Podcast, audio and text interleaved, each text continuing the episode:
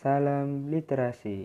Kembali lagi dengan saya Febri Widianto di dalam podcast dengan judul Cerita dari Buku. Apa sih podcast cerita dari buku?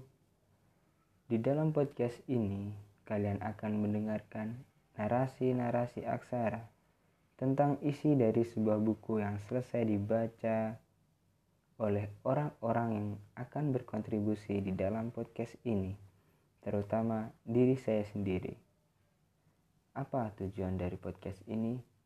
Podcast ini harapannya dapat mengajak teman-teman pecinta cerita dari buku untuk lebih suka berliterasi. Dengan podcast ini, kalian dimudahkan dengan mendengar cerita dari orang lain tentang isi dari sebuah buku.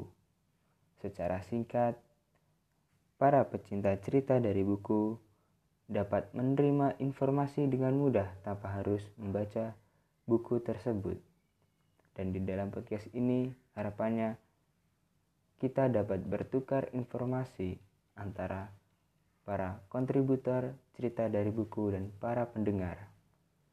Semoga teman-teman menikmati Salam literasi.